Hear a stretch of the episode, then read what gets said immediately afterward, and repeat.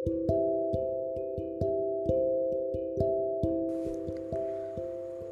semuanya, selamat datang di podcast gue. Sebelumnya, gue udah bahas tentang secukupnya Love Edition. Sekalian juga gue curhat dan semoga juga jadi pelajaran buat kalian. Uh, kali ini gue bakal bahas tentang masa depan. Ini juga sekalian uh, apa ya gue curhat sih sebenarnya. Dan gue uh, berpikir juga soal ini. Mungkin kebanyakan orang di usia yang tahap baru masuk dewasa itu 18 tahun 19 sampai 22 tahun mungkin atau bisa jadi juga pas um, dari umur 17 tahun mereka punya ketakutan besar terhadap masa depan termasuk gue sendiri gitu. Setiap orang pengen masa depannya itu baik-baik aja gitu fine so bisa dibilang bahagia gitu. Tapi seiring berjalannya waktu gue mikir masa depan gue itu bisa jadi uh, antara bahagia atau enggak. Tergantung gimana cara gue nyikapi di masa sekarang. Itu yang gue pikirkan sekarang itu. Saat ini.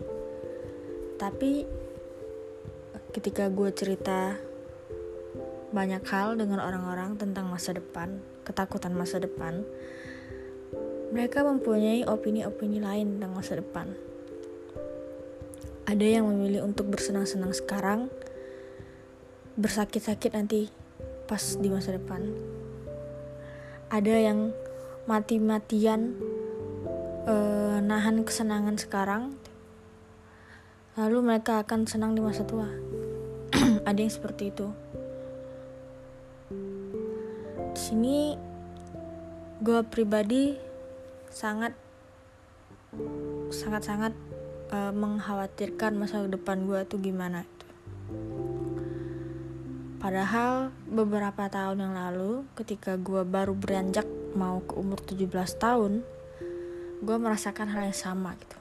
Tapi di usia yang sekarang ini 21 tahun ini rasa khawatir itu bertambah gitu seiring berjalannya waktu mungkin pas gue baru di usia mau masuk ke umur 17 tahun kekhawatiran gue itu cuman pertanyaan ini. Uh, eh, gue ini sebenarnya mau jadi apa gitu. Karena kan uh, dulu penentuan jurusan kuliah kan mau julia, jurusan mau ngambil apa gitu. Apakah harus sesuai passion atau kehendak orang tua gitu atau secara realistis aja gitu. Dan gue udah menentukan jalan gue gitu. Gue uh, ngambil jurusan yang dikehendakin orang tua gitu. Awalnya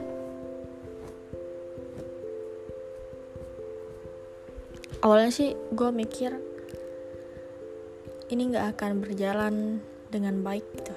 Karena ini bukan passion gue banget. Bukan atas kehendak gue banget awalnya.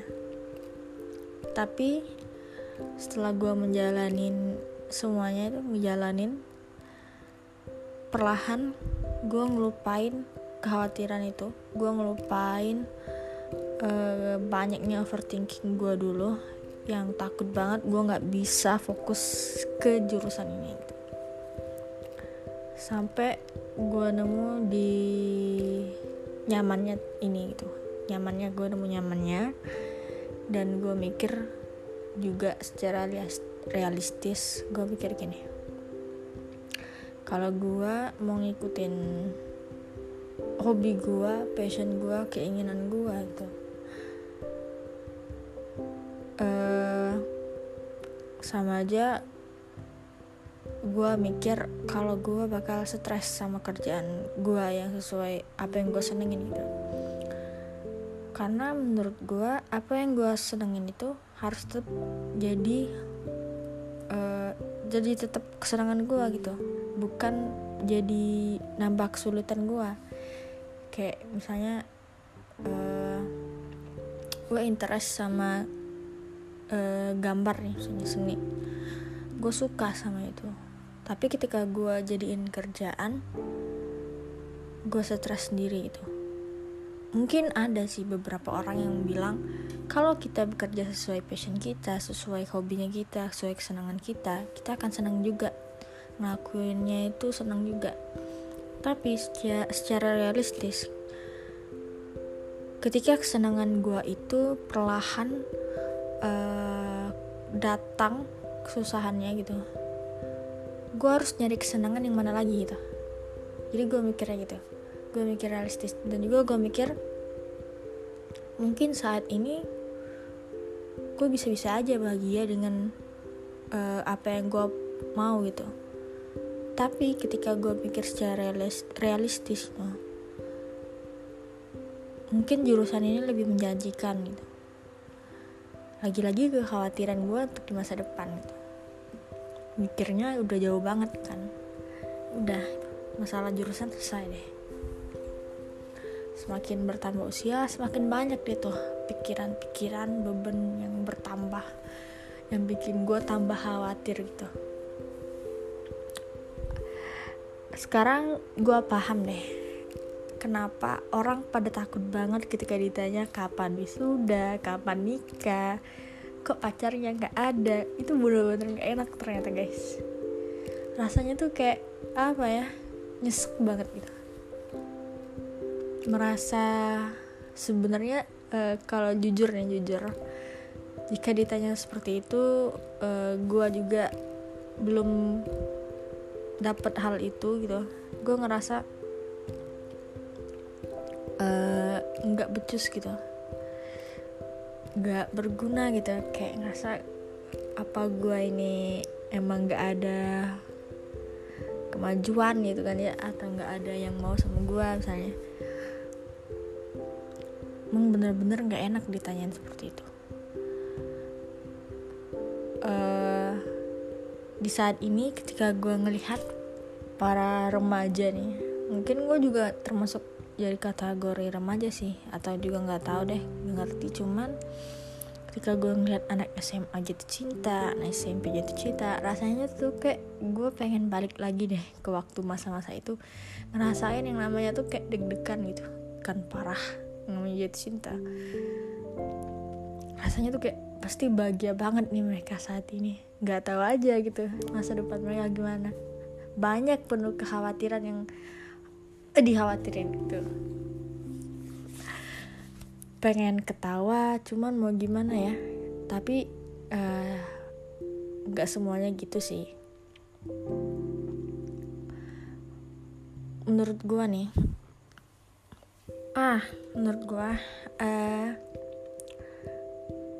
gue nggak menyalahkan negara kita sendiri sih. Mungkin beberapa negara lain juga mungkin ada ya tapi di Indonesia ini kebanyakan nggak orang-orang nggak keluarga kita nggak orang-orang sekitar kita nggak teman kita mempermasalahkan hal itu gitu pekerjaan pasangan anak sangat penting bagi mereka gitu sampai uh, eh, gue mikir emang cewek itu harus banget nikah gitu harus banget apa ya punya anak.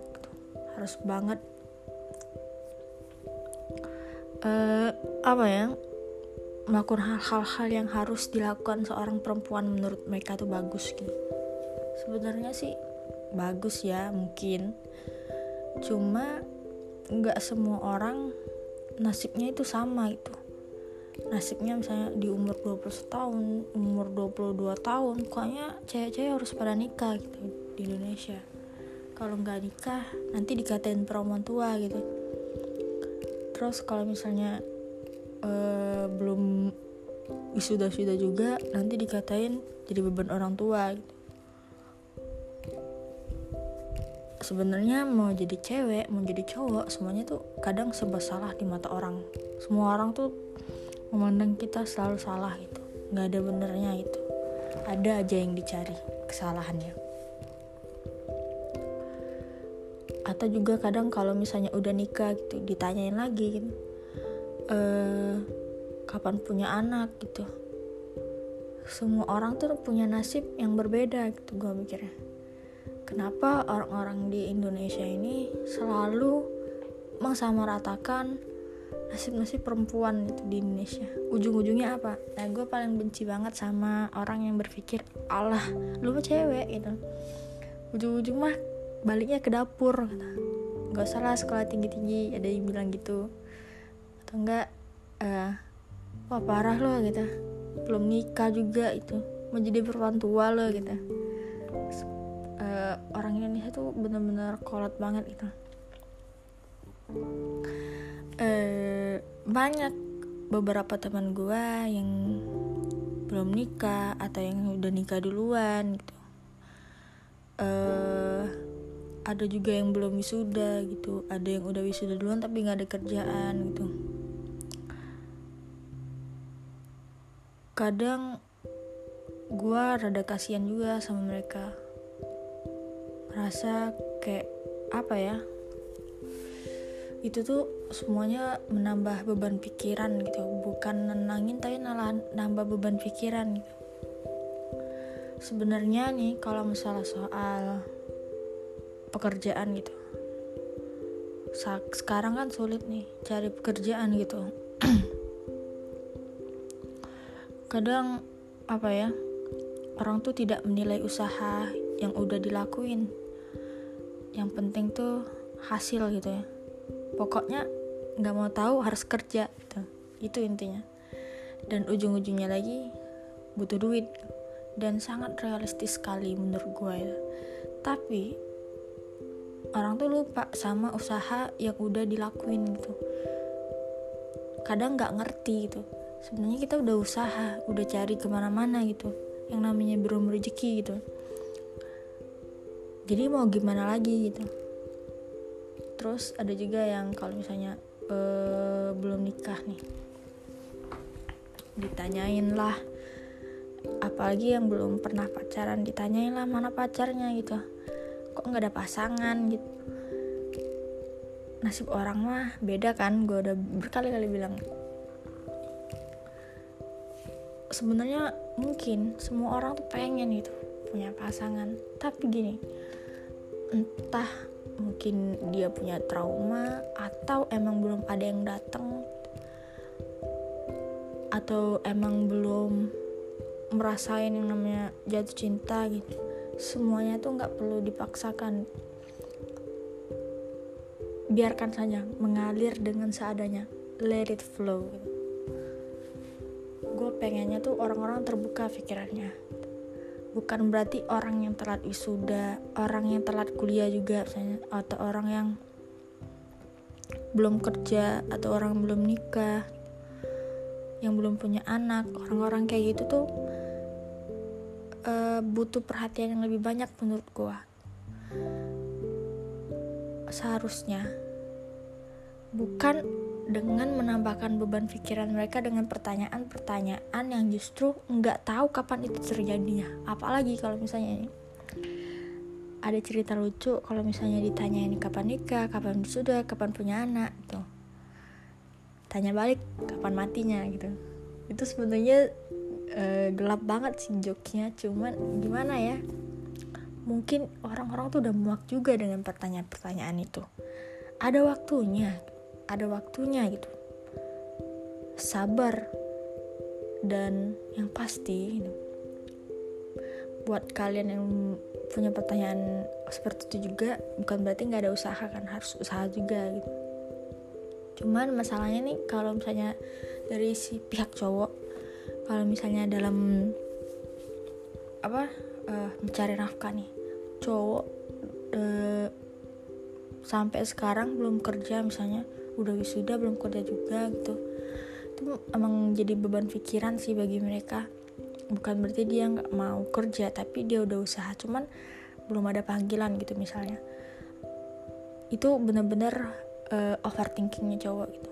Masa depan yang entah gimana selanjutnya gitu mengkhawatirkan keadaan dia sekarang gitu. Karena sejatinya cowok itu kan kata orang akan jadi the next pemimpin kan. Dia bingung sendiri gimana gitu.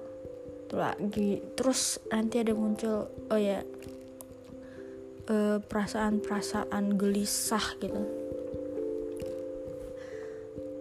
Uh, apalagi kalau misalnya dia udah punya pasangan nih. Dia punya kerjaan atau misalnya belum tuh tapi keuangan dia belum cukup. Tapi pasangannya menuntut dia untuk uh, apa ya untuk segera menikahi dia. Wah itu sangat-sangat benar-benar apa ya uh, sangat-sangat bikin overthinking menurut gue dan bikin stres sih sebenarnya. Jadi kalau menurut gue nih gini. Kasusnya kalau buat cowok nih gue punya teman yang pacarannya udah lama banget.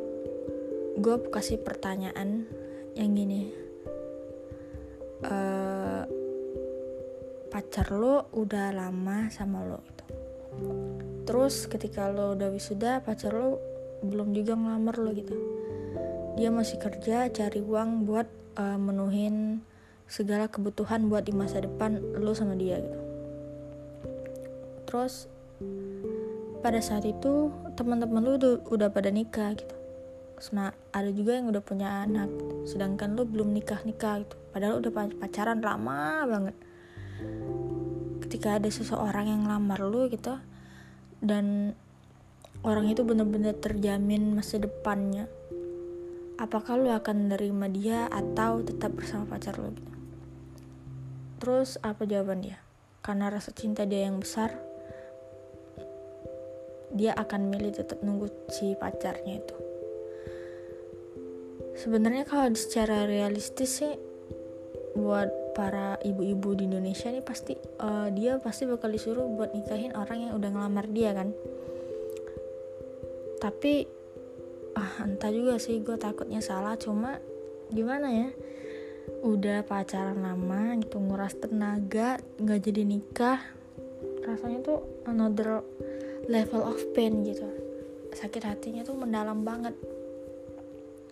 Sedangkan sang pacar itu bukan nggak mau nikahin dia dia cuma minta waktu untuk sebentar lagi gitu. Uh, eh, gue sangat menghargai sama seorang laki-laki yang seperti itu.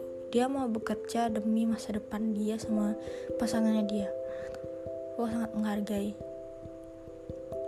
Tapi gini ada kasusnya lagi. Beda dengan laki-laki yang ada yang udah berjuang mati-matian tapi nggak dihargain sama perempuannya.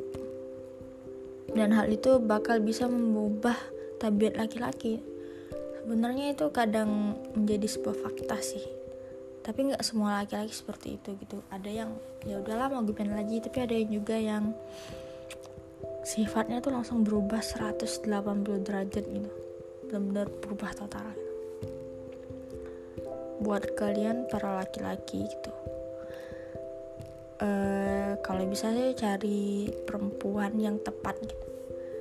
Perempuan yang bisa menurut gue sih kasus yang apa adanya itu benar-benar perlu sih. Ada yang bilang ini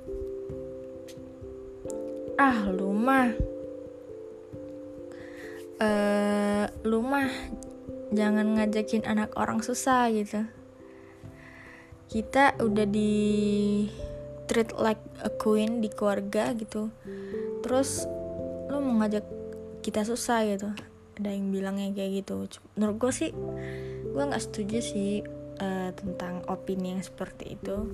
Jadi gue mikirnya gini kalau lu beneran cinta kalau lu beneran sayang sama dia kalau lu percaya sama dia ini kunci yang kunci yang paling apa uh, utama nih percaya. Kalau lu bener percaya sama dia gitu trust him gitu percaya sama dia dia bakal uh, apa uh, ngelakuin apa yang yang ia mau gitu. Dia bakal bekerja keras gitu. Bukan bukan yang diam aja gitu. Kalau yang diam aja mah nah lu boleh keluarin opini yang gua nggak mau hidup susah gitu. Gue nggak mau hidup susah lu boleh keluarin opini itu. Tapi ketika lu gitu, cinta sama orang yang punya yang bekerja keras gitu, yang treat lu kayak ratu lu harus pertahanin orang itu. Karena orang itu ketika udah ditinggalin entah dia berubah jadi berubah banget atau ya udahlah mau gimana lagi.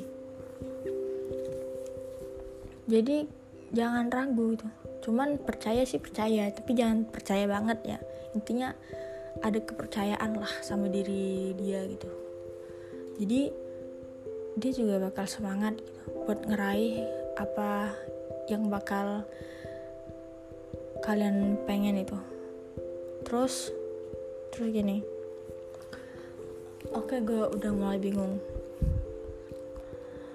Terus jika ah, jika. Sebentar ya gue mikir dulu.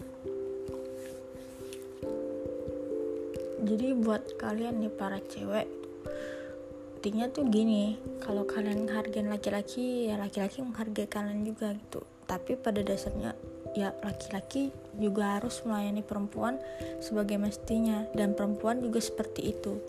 Mencari keuntungan satu sama lain menurut gue demi kebaikan bersama. Menurut gue sih gitu. Entah prinsip gue ini benar atau enggak cuman semoga membantu buat kalian semua ya. Uh, ada juga yang laki-laki misalnya tamat SMA minder sama uh, perempuan yang sarjana itu. Menurut gue lu harus stop deh berhenti mikirin gitu.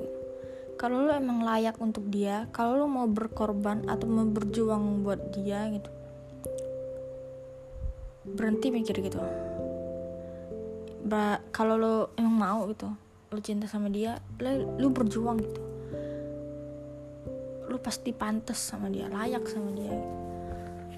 Dan lagi pula lo mikir deh gitu. Perempuan dia pun mau menerima lo gitu. Kata rendahnya itu seperti itu. Itu sebenarnya kalau misalnya lo mikirin omongan orang gak ada habisnya. Jadi kayak peduli amat gitu. Yang ngejalin kan kalian berdua gitu. Ini masa depan kalian berdua. Jadi uh, buatlah diri lo pantas bersanding dengan perempuan tersebut. Bukan berarti uh, lo juga harus jadi sarjana enggak gitu. Setidaknya lo buatlah dia tersanjung dengan kepemimpinan lo gitu. Ketegasan lo atau gimana gitu. Like a gentleman. Dan ini nih uh, buat cewek-cewek yang khawatir kalau misalnya masa depan dia nggak tahu mau jadi apa gitu dan pertanyaan kapan nikah gitu, atau kapan punya anak gitu. Kalau bisa sih kuatin hati lo nih. Kita tuh perempuan gitu. Harus tegar gitu. harus bisa ngelewatin semua itu. Apalagi laki-laki nih buat semua laki-laki. Kan kan laki-laki sudah pasti kuat. Dan gue harap orang-orang yang denger ini mungkin sedikit sadar atau mungkin bisa saja sadar atau enggak nggak tahu ya cuman gue harap banyak orang-orang yang toxic sama lo itu berubah nggak lagi mengeluarkan pertanyaan-pertanyaan atau gunjingan-gunjingan yang bikin lo kepikiran gitu. Semoga aja. Semuanya kita tuh kuat gitu. Kalau bisa kita tutup telinga itu terhadap orang. Bukan berarti kita tutup telinga ketika mereka menasihati kita. Itu adalah tindakan yang salah. Maksudnya tutup telinga dari orang-orang yang menggunjing lo, dari orang-orang yang menyebalkan gitu harus pasang taman yang besar gitu yang kuat biar kita tuh nggak bakal uh, gampang jatuh gitu. buat adik-adik misalnya adik-adik masih SMA gitu uh, kalau lo emang pengen kerja atau pengen ambil jurusan sesuai passion lo sesuai kesenangan lo gitu duit gitu. Jadi uh, lakuin. Lakuin apa yang lo mau gitu. Asal gini satu lagi nih. Menurut gue penting. Asalkan orang tua lo setuju sama hal itu. Tapi ketika orang tua lo nggak setuju itu bakal jadi bumerang buat lo gitu entah apa yang akan terjadi. Suatu saat apa yang orang tua lo bilang lo bakal bilang gini seharusnya gue ikutin apa kata orang tua gue itu adalah another level of penyesalan yang sangat-sangat nyeselin banget. Jadi segala sesuatu harus butuh izin ketika izin itu udah didapetin lakuin gitu. kalau enggak gitu, maka cari jalan yang terbaik. Solusi yang terbaik menurut kalian itu menurut keluarga kalian juga gitu. Dan juga nggak usah peduliin uh, teman-teman lain. Bukan masalah bukan masalah digunjingkan atau apa juga tapi penghasilan orang gak usah dilihat gitu lo fokus aja sama diri lo pencapaian lo gitu. Kalau lo terlalu terpusat sama uh, penghasilan orang lain semakin hari lo nggak akan puas gitu. Lo pengennya lebih dan terus lebih gitu. Jadi fokus aja sama diri lo sendiri. Ketika lo lihat orang lain gitu yang lebih misalnya ada yang lebih tinggi ada yang lebih bagus dari lo lo nggak akan cukup. Lo akan terus ngejar kebagusan itu. Dan lo nggak akan cukup makanya nanti kita bahas di next episode tentang secukupnya dalam hal apa pun itu. Bukan love edition ya tapi dalam hal umum. Jadi buat kalian tuh sebenarnya kalau misalnya ngomongin masa depan emang sih pasti kepikiran banget. Sampai sekarang gue juga kepikiran. Gue mikirnya gini apakah gue dengan jurusan yang sekarang tuh dengan kuliah gue yang sekarang ini bakal tetap bakal kerja di dengan apa yang udah gue pelajarin itu karena gue benar-benar khawatir soal ini. Tapi semoga aja enggak ya. Dan lagi gue sedikit uh, apa ya paranoid soal hubungan asmara antara gue sekarang mati rasa atau nggak tahu gimana. Tapi saat ini gue benar-benar nyaman banget dengan kesendirian gue gitu. Biarpun gue mupeng pas lagi nonton drakor atau lagi baca novel tapi ya udahlah ya gitu.